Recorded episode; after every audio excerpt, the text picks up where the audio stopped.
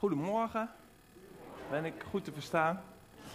Ja, ik moet zeggen, eh, ik ben, uh, ja, ik ben best wel. Ik hoor een galm. Kan ik dan hier staan? hier? Hier? Hier? Ja? Ja? Nu, nu geen galm? Oké. Nou, ik moet zeggen, ik ben best wel stoked. En dat dat is een uh, surfterm. Dat is als uh, zeg maar de condities, uh, de surfcondities heel goed zijn, dan zeg je dat je stoked bent. En ehm, ja, het is nu niet door de wind, omdat het waait. Nee, het is eigenlijk door het nieuwe team wat bekend is gemaakt. Want ja, ik werd daar heel erg blij van om te horen welke mensen bereid zijn gebleken. Dus ik wil daar allereerst even een applaus voor. Nou, ik, ik, ik kijk daar heel erg naar uit. Ehm, en ik heb uh, ook alle vertrouwen in, uh, in deze mensen. Dus dat, uh, ja, dat is gewoon geweldig om te zien. Um, even kijken. Komt hij er al op? Is me, of moet ik dat zelf doen? Ja, dat moest ik zelf doen, hè? Oh ja. Nee, hij doet het. Hij doet het. Nee, helemaal super.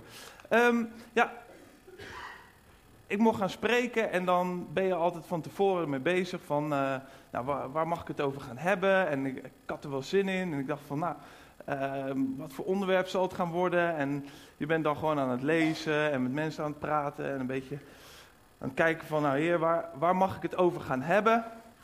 En um, ja, op een gegeven moment uh, had ik het uh, met, uh, met Maarten en met, met Harmen op reis. Um, vertelden we een beetje ja, onze levensverhalen en wat er allemaal gebeurd was in, in je leven. En nou, ik vertelde ook een verhaal en toen, uh, toen zei Maarten volgens mij van, nou, dat is wel iets waar, ja, dat, dat mag je wel delen. Dus toen had ik al zoiets van, nou, dat is eigenlijk helemaal niet zo'n leuk onderwerp, maar... Nou goed, uh, ik, neem het even mee in de, in de overweging en dan kijk later wel of dat het gaat worden. En op een gegeven moment las ik een artikel in de krant en dat, dat ging daar ook over en ik werd er echt heel erg door geraakt. En toen dacht ik van ja, dit is wel zeg maar de bevestiging, dit is de bevestiging dat ik het hierover mag hebben. Sommige onderwerpen zijn um, ja, niet zoveel besproken. Uh, ja, ik woon zelf uh, met een aantal uh, boerderijdieren. En ik deel vaak mooie foto's en verhalen over wat er allemaal op de boerderij gebeurt. En um, ja, heel veel dingen deel ik ook niet. Dat zijn zeg maar de minder leuke dingen. Ik sta bijvoorbeeld heel vaak stront te scheppen. Nou, daar heb je nog nooit een foto van mij voorbij zien komen. Um, of wat er gisteren gebeurde. Um, dat was zeg maar, um, bij ons hebben we hooi. En onder dat hooi, daar uh, komen nog wel eens wat, wat dieren zitten, zeg maar, in de, in de winter. En meestal zijn dat gewoon muizen. En nou ja, in het begin vond ik dat heel, heel spannend, maar daar ben ik aan gewend geraakt. En daar kan ik goed mee overweg. En vallen ze hier, vallen ze daar en dan is het wel, wel klaar. Maar gisteren pakte ik een pak hooi op. En nou, dat was het moment dat ik leerde dat ik kon vliegen. En even later was mevrouw er ook bij. En toen heb ik dus uh, gezien dat mevrouw een opera kan zingen. Zo. Er zaten dus twee van zulke dikke vette ratten onder het hooi. Ah. Man, man, man, man. En uh, ik ben zelf ook geen held hoor. Ik zit nu mijn vrouw belachelijk te maken, maar uh, ik stond zelf ook uh, op het hooi. En mijn zoon zat me echt zo aan te kijken, die was er ook bij. Die dacht echt, papa, wat, wat doe je nu, weet je wel. Maar goed, ehm, ja, dat zijn de dingen die je normaal gesproken niet zo, ja, waar je het niet zo graag over hebt. Of ik, ik zal er geen foto van op Facebook zetten, zeg maar. maar vandaag gaan we het hebben over um, Elia en dan wel de de, de valkuil van Elia. Want Elia, die wordt namelijk op een gegeven moment in zijn leven, wordt hij depressief.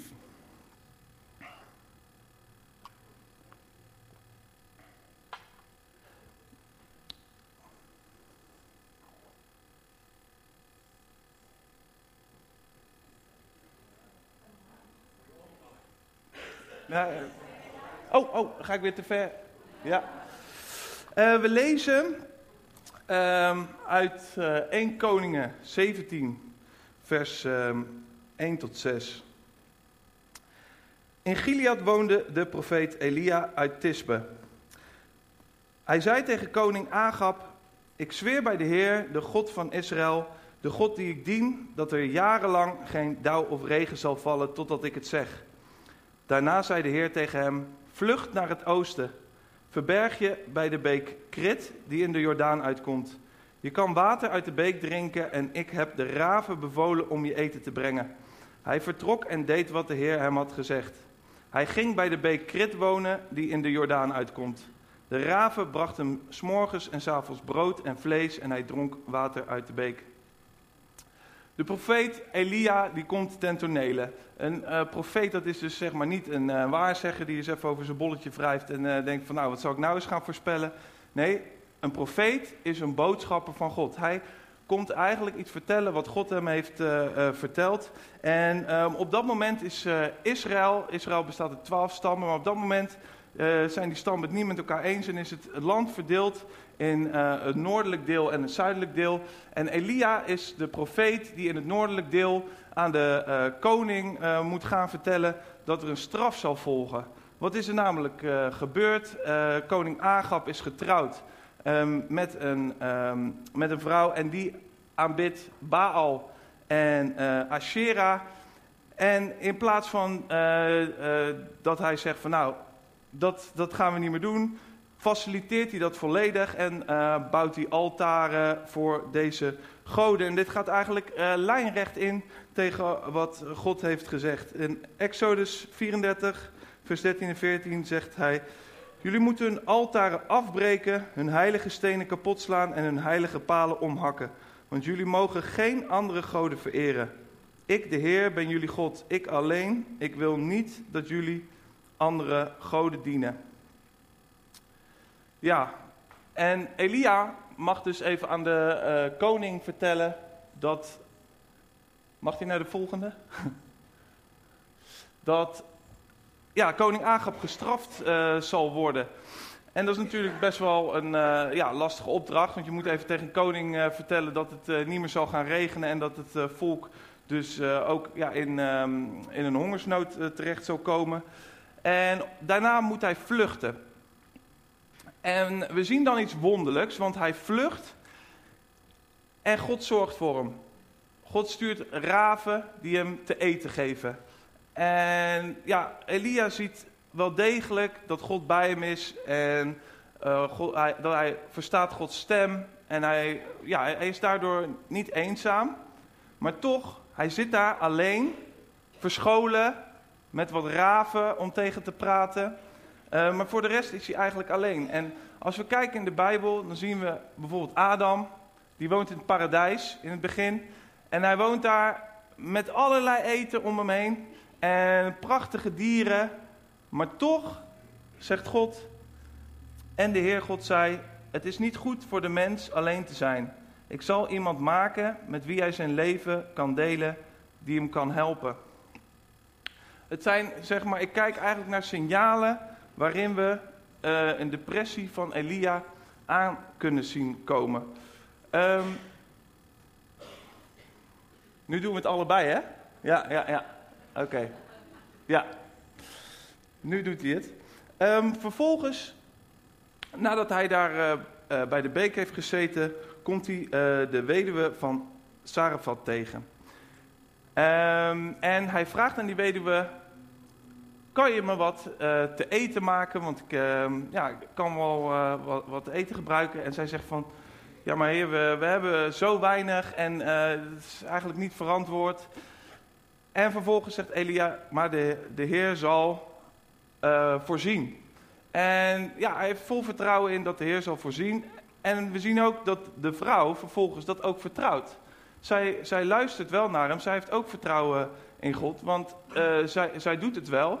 En ze geeft eigenlijk alles wat ze heeft, geeft ze aan Elia om hem te verzorgen. En dat is ook een heel mooi beeld van wat we in het Nieuwe Testament zien als Jezus vertelt over de, over de vrouw die um, ja, eigenlijk maar een paar centjes geeft, maar het is alles wat ze heeft. Ten opzichte van de rijke man die heel veel geeft, maar dat is maar een klein deel van wat hij heeft. En we zien dat, dat God het heel erg zegent. Um, ja, ik heb het in mijn eigen leven ook meegemaakt dat ik op het moment, ja, ik ben zelf zelfstandig ondernemer en op een gegeven moment had ik niet zoveel opdrachten, maar ik was uh, gevraagd ook om mee te werken eh, voor een project van de kerk en moesten we geld ophalen. En eigenlijk ging al mijn energie ging, ging daarin zitten. Ehm, en ik, ik, deed eigenlijk helemaal niks aan mijn eigen bedrijf om nieuwe opdrachten uh, te zoeken. En uh, op een gegeven moment was ik uh, dan in, in Oeganda bij dat project waar we geld voor hadden opgehaald. En eigenlijk, ja, als ik terug zou komen, ja, dan was het gewoon, ja, ik had gewoon geen werk en dan was er geen geld in het laadje. Dus, maar goed, ik had het gewoon bij God neergelegd. En terwijl ik daar zat, in Oeganda, kreeg ik zeg maar opdrachten aangeboden um, ja, van, van plekken waar ik normaal gesproken anders nooit had gevraagd. Ik moest bijvoorbeeld een, een, cursus kinderfoto's voor de GGD in Amsterdam doen. Nou, daar, zat ik überhaupt al niet met mijn bedrijf. Of er kwamen opdrachten uit ziekenhuizen naar me toe, waar ik ook nooit naartoe gegaan zou zijn. Dus dan zag ik dat, dat God heel erg voorzag. En daarnaast gaf hij me ook nog een hele mooie werkplek. En daar zag ik gewoon zo'n zo Gods voorziening in. Op het moment dat ja, dat wij denken van, ja maar heer, ik kan dit niet doen. En ik denk dat dit ook een bemoediging uh, mag zijn voor de mensen in, uh, ja, die nu in het leidersteam uh, gaan. en ook de mensen die hier in de kerk werkzaam zijn. God ziet ook wat je doet en God zal voorzien. Maar alsnog is de weduwe van Sarafat op een gegeven moment heel bedroefd. Want wat gebeurt er? Haar zoon komt te overlijden. En ze zegt tegen Elia van, bent u naar mij toegekomen om te laten zien hoe slecht ik ben? Elia staat er weer, uh, ja, staat er weer slecht op. En um, ja, wordt eigenlijk uh, wantrouwd door uh, die vrouw. En um, ja, ze denkt zelfs eigenlijk dat het, um, dat het zijn schuld is dat nu haar zoon overlijdt. En Elia voelt zich ook wel een beetje schuldig. En hij bidt vurig tot God. En hij zegt, Heer, alsjeblieft laat het leven in het kind terugkeren. En het wonder geschiet. Het kind komt weer tot leven. En dan is de vrouw ook daadwerkelijk dankbaar. En dan zegt ze: Nu weet ik ook zeker dat jij een boodschapper bent van God. Maar toch is het, ja, voor Elia moet het toch lastig zijn geweest. Want de vriendschap die hij met die, met die vrouw heeft, die bestaat eigenlijk eruit van hij moet zich telkens bewijzen zeg maar. Het is geen onvoorwaardelijke liefde, maar het is van, ja, je moet wel met iets komen, want anders dan, uh, dan vind ik jou maar, uh, maar raar. Um, en vervolgens mag hij dus gaan vertellen aan uh, koning Agab dat het weer zal gaan regenen. En hij gaat op weg en hij komt Obadja tegen. En Obadja is een dienaar ook van koning Agab. En het is een uh, dienaar die niet is meegegaan in de, in de afgodenverering, maar het is een, een godvrezend dienaar. Dus je zou denken van nou, dat zouden best wel eens goede vrienden kunnen worden, die uh, Elia en die Obadja. Um, maar wat gebeurt er? Elia vraagt wat aan um, Obadja en hij is eigenlijk meteen doodsbang. Hij zegt, hoe kan je dat nou aan me vragen? Ik, word dan vermoord en um, ja, het is weer die relatie voor Elia is moeilijk. Hij staat er eigenlijk toch weer um, alleen voor. Uh, uiteindelijk luistert Obadja wel en gaat hij het ook doen. En hij wordt ook niet vermoord door koning Agab. Dus het vertrouwen um, in de woorden die Elia uh, spreekt, wordt, uh, ja, wordt, wordt toch niet niet gedaan. Dan komt hij bij koning Agab. En ja, koning Agab geeft hem eigenlijk volledig de schuld van de droogte die geweest is. Anders dan dat koning Agab zegt van nou, uh, Elia, bedankt dat je me zo hebt gewaarschuwd en nu hebben we ons afgekeerd van deze afgoden. Zegt hij van nee, het is jouw schuld. Hij, uh, don't shoot the messenger is een uitdrukking. Nou, koning Agab had hem het liefst daar meteen omgebracht. Want hij zegt, daar ben je dus Elia, wat een ellende heb jij in Israël gebracht. Het is jouw schuld. Terwijl, ja, hij steekt niet echt zijn hand in eigen boezem, om het zo maar te zeggen. En het is voor Elia weer heel lastig. Hij staat er echt werkelijk waar alleen voor. Maar dan gebeurt er iets uh, bijzonder wonderlijks. Het is, uh, ja, het is echt een, een bizar verhaal als je het, als je het leest. En uh, nou, dat gaan we dan ook doen. Uh, Koningen 1, uh, vers 18. uh, van 25 uh, tot 40. Elia stelt dus voor om ja, twee altaren te bouwen en ehm, dat dan de profeten van, van Baal hun God gaan vragen om het, om het aan te steken. En Elia gaat God vragen. Het begint, Baal geeft geen antwoord. Elia zei tegen de profeten van Baal, jullie zijn met een grote groep, beginnen jullie maar. Kies één van deze twee stieren uit en maak die klaar voor het offer. Bid dan tot jullie God, maar steek het hout niet in brand. Dat deden de profeten van Baal. Ze kozen een stier uit en maakten die klaar voor het offer. En toen begonnen ze te bidden. Baal, geef ons antwoord. Ze bleven de hele ochtend bidden en ze dansten om de houtstapel heen. Maar er kwam geen antwoord. Toen de ochtend voorbij was, begon Elia hen uit te dagen. Hij zei, Baal is toch jullie God? Jullie moeten harder roepen. Misschien zit hij na te denken of misschien is hij met iets anders bezig. Nou, dat is een hele nette beschrijving wat hier staat van met iets anders bezig. Als je gaat kijken zeg maar, naar, de, naar de vertaling, dan staat er dat hij, uh, misschien is hij de, de bosjes in. Oftewel, misschien is jullie God even naar het toilet. Dus, uh, Elia is best wel cynisch op dat moment. En hij is ook wel ja, bijna dommoedig, zeg maar. Hij, hij beledigt zeg maar, hun God. Uh, hij staat er ten, ten overstaan van, van honderden profeten. Uh, het gaat vaak over de 500 profeten van Baal, maar je hebt ook nog de profeten van uh, Asherah die er, die er ook bij zijn. Dus hij staat tegenover een heel leger. Maar hij heeft zoveel vertrouwen in God. Hij is absoluut niet bang en hij staat er heel sterk. Maar wat we wel zien is, zeg maar, zijn cynisme. Hij, hij is eigenlijk een beetje klaar mee. Hij is zo van, jongens, waarom luisteren jullie niet naar God? En hij, hij wordt er een beetje cynisch van. En dat zie je dus ook in, in, in dit soort opmerkingen. Nou, wat hij nog verder zegt is, misschien is hij op reis gegaan, misschien slaapt hij wel. Dan moeten jullie hem wakker maken. En de profeten van Baal riepen steeds harder. Ze begonnen zichzelf te snijden met messen en zwaarden, zoals ze altijd deden als ze offers brachten. Het bloed stroomde over hun lijf en ze bleven maar dansen en schreeuwen. Het werd steeds later, de middag was al half voorbij, maar het bleef stil. Er kwam geen antwoord. Baal hoorde niets. Stel je dus voor, hij staat daar met een heel leger bebloede mannen die helemaal in trance daar. Nou, ik, ik, vind ik was al lang gillend weggerend. Uh, maar Elia is niet bang.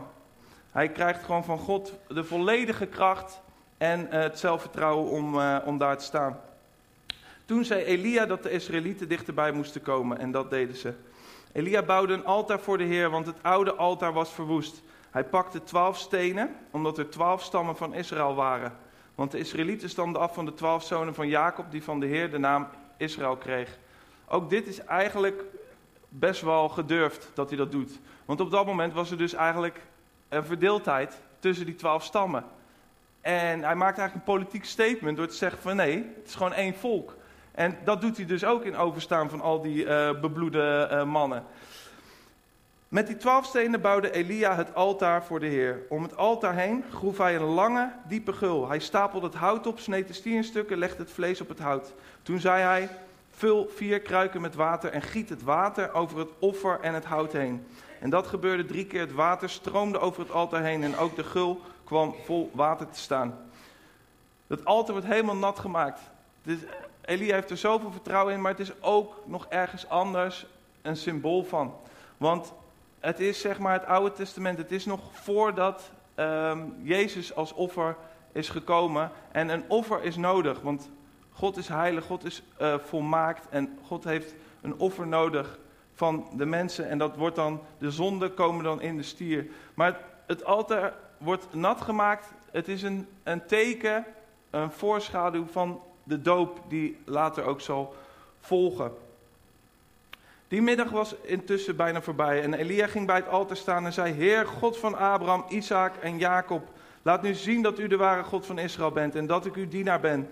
Ik doe deze dingen omdat u het wilt. Geef mij antwoord, Heer, geef antwoord. Dan zal dit volk begrijpen dat u de ware God bent en dat ze weer naar u moeten luisteren. En toen stuurde de Heer vuur uit de hemel. Door dat vuur verbrandde het vlees van de stier, ook het hout en de stenen verbrandden. Zelfs de as verdween en ook het water in de gul. Toen de Israëlieten dat zagen, knielden ze op de grond. Ze riepen, de Heer is de ware God, de Heer is de ware God. En toen zei Elia tegen de Israëlieten: Grijp de profeten van Baal, laat ze niet ontsnappen. De profeten werden gevangen genomen en Elia liet hen naar het Kizondal brengen. Daar liet hij hen doden. Er gebeurt iets bijzonder wonderlijks. En Elia moet ook vol vuur zijn geweest. En de mensen, ze vielen neer voor God. Want het was God die luisterde naar uh, ja, de smeekroep van Elia. En daarna begint ook uh, de regen weer te komen. Nadat het offer uh, er was geweest, was het voor God op dat moment goed. En de regen kwam en hij waarschuwde de koning van, u moet nu gaan, want anders komt u vast te zitten met uw wagen. En God gaf Elia weer een buitengewone kracht. En Elia, er staat dat hij zeg maar, zijn mantel optilde en voor de koning uitrende naar de stad. En als je kijkt hoe ver dat was, hoe, ver Elia rende, dat was meer dan een marathon. Dat was meer dan een marathon.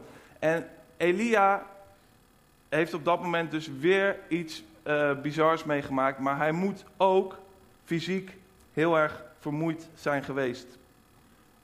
Op het moment dat we als mens heel erg moe zijn, dan weet de duivel dat het een goed moment is om toe te slaan. En dat is dus ook weer een van de dingen waaraan we kunnen zien van het zit, er, het zit er aan te komen. Het is nu een moment dat het kan gebeuren.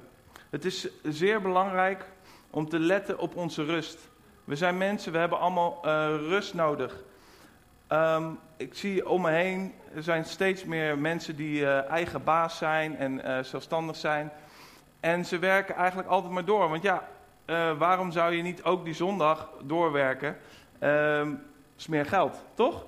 En ja, ik heb toch geen vriendin of vrouw, dus ja, wat maakt het uit? Maar God, eh, ik geloof echt dat God de wereld in zes dagen heeft gemaakt en hij nam rust de zevende dag. Dus als God het al doet, wie zijn wij dan om maar door te blijven rennen? Rust is zo belangrijk voor jou als mens om ook geestelijk goed te kunnen uh, functioneren. Daarnaast heeft Elia ook ja, die grote geestelijke manifestatie meegemaakt. Uh, met ja, gewoon het, gebedsverhoring, dat het vuur zich uitstortte. Uh, vervolgens die marathon. Het is allemaal heel groots geweest. Maar dan komt eigenlijk de grote val. Hij heeft namelijk ook die profeten laten doden. En dat vond de vrouw van Agab niet helemaal oké. Zij was woedend. En ze zei, laat die Elia doden. En Elia is bang. Hij wordt meteen bang. Hij denkt, oh nee, oh nee. Terwijl, wat heeft hij net meegemaakt? Je zou toch denken van, nou, hij, hij heeft zo gezien dat God kan werken in zijn leven. En hij hoeft toch nergens bang voor te zijn. Hij heeft gestaan tegenover een leger van bloedende mannen. En hij hield stand. Hij hield stand. Maar toch, op dat moment, als zij met dat dreigement komt, dan zegt Elia: Heer, ik trek het niet meer. En Elia zegt: Het is genoeg geweest laat mij maar doodgaan. Ik ben het niet waard om nog langer te leven. Hij is eigenlijk depressief. Hij, hij ziet het nut niet meer in uh, van zijn leven. En ja, het is natuurlijk iets droevigs. Maar aan de andere kant ben ik blij dat dit zeg maar in de.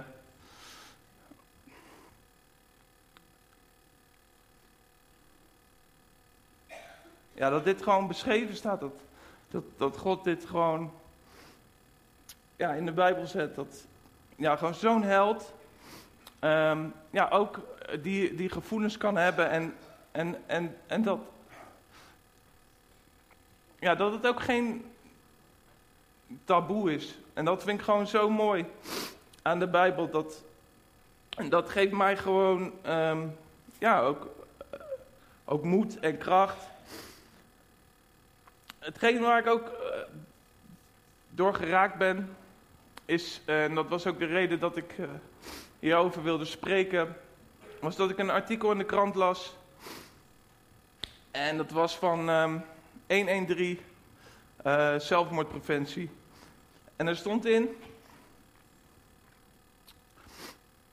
dat er meer mensen doodgaan door zelfmoord dan door oorlog, terrorisme bij elkaar. En dat raakte me zo. En in Nederland doet 1 op de 25 jongeren een zelfmoordpoging. En dat was het moment dat ik dacht, hier moet ik het over hebben. Ik heb zelf ook op dat punt gestaan in mijn leven. Niet dat ik ooit echt op het punt heb gestaan om, om zelfmoord te plegen. Maar ik heb wel op het punt gestaan dat ik dacht van... Heer, het heeft geen zin. Als ik nu, hier en nu uh, dood zou gaan, het maakt me niet uit. Het maakt me niet uit. Alles kan me gestolen worden. En nou, anders dan bij Elia. Kijk, bij Elia is het zo geweest. We zien allemaal dingen in de aanloop naar eigenlijk dat, dat moment van depressie. Bij mij uh, lag er ook veel uh, zonde aan de grondslag, waardoor ik in een uh, depressie terecht kwam. Er zijn allerlei redenen waarom je als mens in een depressie terecht kan komen. ja, bij mij was het dat ik inderdaad gewoon veel te veel hooi op mijn vork nam. Ehm, ik deed eindexamen. Um, ik, ik zat in het systeembeheer van de school. Ik organiseerde het eindexamenfeest, de eindexamenreis. Ik moest ook wat um, in de zorg doen, dus ik werkte ook in, in, de zorg, want ik wilde ook wat voor de oudere mensen doen. En um, ja, ik, muziek maken vond ik leuk, dus ik, uh, ik deed rappen in een band en ik sliep veel te weinig. En ja, ik luisterde ook niet naar mijn ouders die me telkens waarschuwden van, nou, misschien zou je eens rust moeten nemen. Maar nee, het, leven was allemaal veel te leuk. En ik ging maar door en ik ging maar door. Dus op een gegeven moment um, ja, ben ik dus uh, volledig gecrashed. En ben ik in een uh, uh, depressie terechtgekomen. En ja, ik kan me nog herinneren dat... Ehm, ja, het voelde echt als een van de ergste dingen die een mens kan overkomen. Omdat zeg maar, je gevoel zo vlak is. Je vindt niks meer echt leuk. En je vindt niks meer echt erg. Het is alsof die lijn in één keer gewoon helemaal vlak is. En ja, ik, ik heb dat uh, gevoel nu uh, helemaal niet. Maar op dat moment had ik echt uh, zoiets van, nou als je nog ziek bent of zo, dan vind je het nog erg. Maar het maakt je dan ook gewoon niks uit. En het, ik kon me niet voorstellen dat zeg maar um, er nog hoop was. Kon, ik kon dat gewoon niet bedenken. Maar dan zien we ook zeg maar, het verschil tussen, tussen ons denken en tussen, tussen zeg maar, Gods plan. Want als ik zeg maar, nu terugkijk naar wat God allemaal in mijn leven heeft gedaan na die depressie, dan ben ik zo dankbaar dat, uh, ja, dat je gewoon doorgaat en dat je, ook al zie je het niet zitten, maar dat je gewoon wel je vertrouwen op God zet. En dat is denk ik een van de belangrijkste lessen die ik uh, daaruit mee heb genomen. Dat Um, ja, wat er ook gebeurt, zet je vertrouwen op God en luister niet altijd naar je gevoel, want het kan zo bedriegelijk zijn. Bedriegelijk zijn. Ja, ik heb hem. Ik keek uh, van de week met die storm keek ik uit het raam. En um, ja, ik hou van storm. Ik word er helemaal blij van. En uh, ja, dat uh, vind ik echt geweldig. Ik sprak met mensen die zeiden van, nou, ik vind het zo erg storm. En vind ik echt, daar word ik helemaal naar van. Nou, ik niet. Ik word er helemaal happy van. Dus ik keek uit het raam. En uh, ik zag de bomen zo uh, kaart heen en weer gaan. En ik zag de, de wolken voorbij razen langs de maan. En die maan was zo mooi, die stond daar vol te, te shinen. En um, op een gegeven moment komen er donkere wolken zo voor de maan. En in het begin zat ik nog te kijken, zat ik nog te zoeken van... hé, hey, waar, is waar is die maan nou gebleven? En ik wist waar die ongeveer had gestaan. Dus ik bleef er maar naar kijken. En dan hoop je dat op een gegeven moment donkere wolken weer een beetje opzij gaan en dat hij dan weer tevoorschijn komt. Of dat je weer een glimp uh, kan zien. Maar het duurde maar en het duurde maar. En op een gegeven moment wist ik ook niet meer, moet ik nou daar kijken of moet ik nou daar kijken? Ik, ik wist niet meer waar ik moest zoeken. En op een gegeven moment stopte ik maar gewoon met zoeken. Ik gaf het, ik gaf het op. Het duurde te lang. En ik denk dat dat dat ook iets is wat God me wilde laten zien. Dat wij soms als mensen geven we het op en dan willen we niet meer zoeken en dan we zien niet meer dat die wolken voorbij drijven. We zien het niet meer. En, en daarom is het denk ik ook zo belangrijk dat we mensen om ons heen hebben die ons vertellen ook dat die wolken voorbij zullen gaan en die ons daarin bevestigen. En ook al geloven we het niet, het is zo belangrijk om dat te blijven herhalen. Ja, ik noemde het uh, in het dal. Ik moest er zelf een beetje om lachen, maar ik denk, ja, met zo'n serieus onderwerp moet je soms ook een beetje uh, proberen om de lach terug te brengen. Um, de do's in het dal, wat zijn dat nou? Nou, allereerst, als je depressief bent, dan ga je op een gegeven moment ook dingen denken die niet waar zijn. Je gelooft gewoon eigenlijk in leugens. En daarom is het ook zo belangrijk om um, ja, je Bijbel te lezen. En ook al geloof je het misschien niet als je het leest, het is waar. En probeer daar ook over te mediteren. Probeer er met anderen over te praten. En dat is ook gewoon een van mijn tips. Op het moment dat ik depressief was, ik had eigenlijk geen zin om met andere mensen iets te gaan doen. Maar toch namen mensen me mee uh, om bijvoorbeeld naar de dierentuin te gaan. En ik dacht echt, uh, flikker op met je olifant joh, ik moet daar helemaal niks van hebben. Laat me lekker in mijn bed liggen. En uh, ik, ik moest er helemaal niks van hebben. Ik vond het echt... maar achteraf gezien zijn die momenten zo belangrijk geweest. Achteraf gezien en toen kwam er bijvoorbeeld een jongen. En ik had, ja, ik, ik had best wel veel vrienden voor, voor die tijd dat ik zeg maar depressief werd. Maar ja, iedereen vond het toch maar een beetje moeilijk. Um, dus ja, er kwamen niet zoveel mensen meer bij me langs.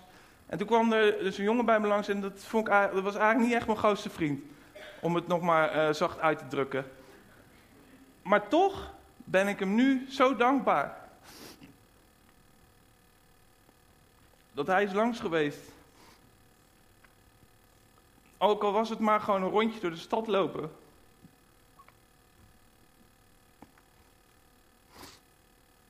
Kan zo waardevol voor je zijn op het moment dat je in depressie zit en misschien zie je het op dat moment niet. En denk je echt van ja, ik ga je toch niks kopen, wat, wat doe ik hier? En ik vind hem eigenlijk helemaal niet aardig. Um, ik heb er helemaal geen zin in. Maar eigenlijk heb je nergens zin in. Dus ja, je moet eigenlijk het patroon ook gaan uh, doorbreken. Um, hoe kan je dat doen? Nou, bijvoorbeeld in de kerk. Schroom niet om um, bij een thuisgroep te gaan. Um, of word lid van de, van de Diamantclub, van een andere uh, club of sluit je aan bij iemand anders. Ga eens gewoon koffie drinken, ook al heb je er geen zin in. Het is gewoon belangrijk om met andere mensen uh, op te trekken. Lees ook de verhalen. Lees ook bijvoorbeeld het verhaal van Elia. We, zijn, we zitten nu een beetje in het dal met Elia. Maar ik ga alvast verklappen, komt helemaal goed. Um, en zo is het met heel veel verhalen in de Bijbel.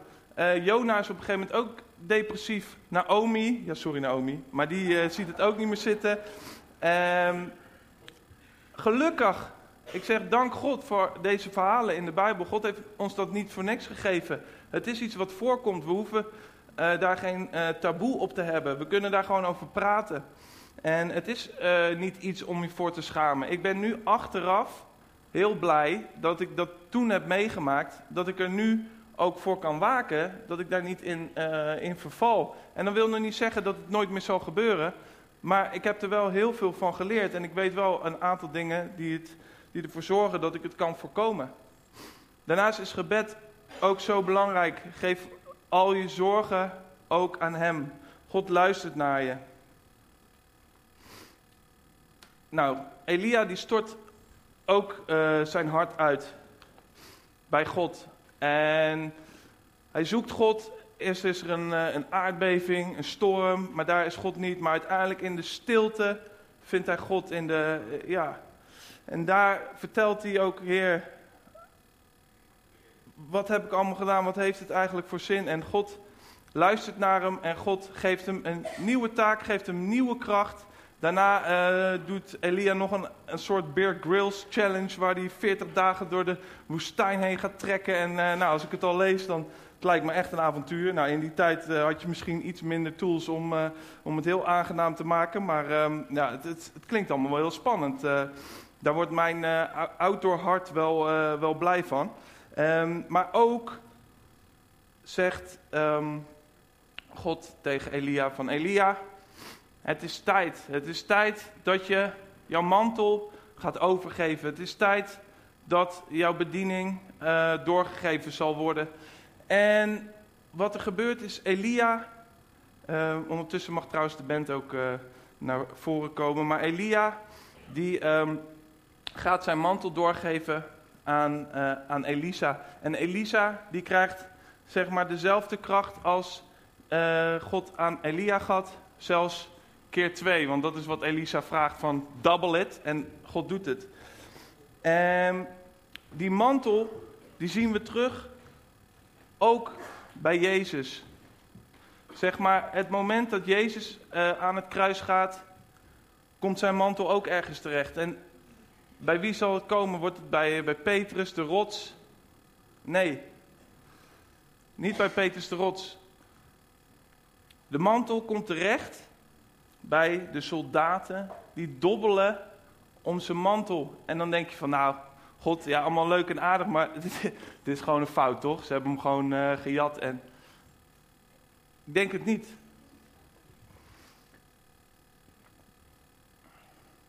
Ik denk namelijk dat, dat Jezus is gestorven juist voor de zondaars. En ik denk dat Jezus is gestorven voor jou en mij, wat we ook hebben gedaan. Dus misschien heb jij wel zoiets gedaan in je leven dat je denkt van ja, maar dit wordt mij niet vergeven. Dit wordt mij niet vergeven. Dit is, ik zeg je, Jezus is gestorven voor jou. We hoeven het niet te bereiken. Jezus heeft het voor ons bereikt. Hij wil zijn mantel aan ons geven. Hij wil ons dezelfde kracht geven door de Heilige Geest als die in Elia zat. Als gift. Hij heeft het gedaan voor ons. En dat is ook iets waar we naar uit mogen strekken. En ja, daar ben ik God ook zo dankbaar voor. En ik wil graag bidden als je uh, ook voor je wil laten bidden. Ik zal na de dienst hier zijn. Er zullen hopelijk ook andere mensen zijn die voor je kunnen bidden. En dat doen we graag en met liefde. En we geloven dat God er een is die jou met zijn mantel wil bedekken. Een mantel van liefde, een mantel van vergeving.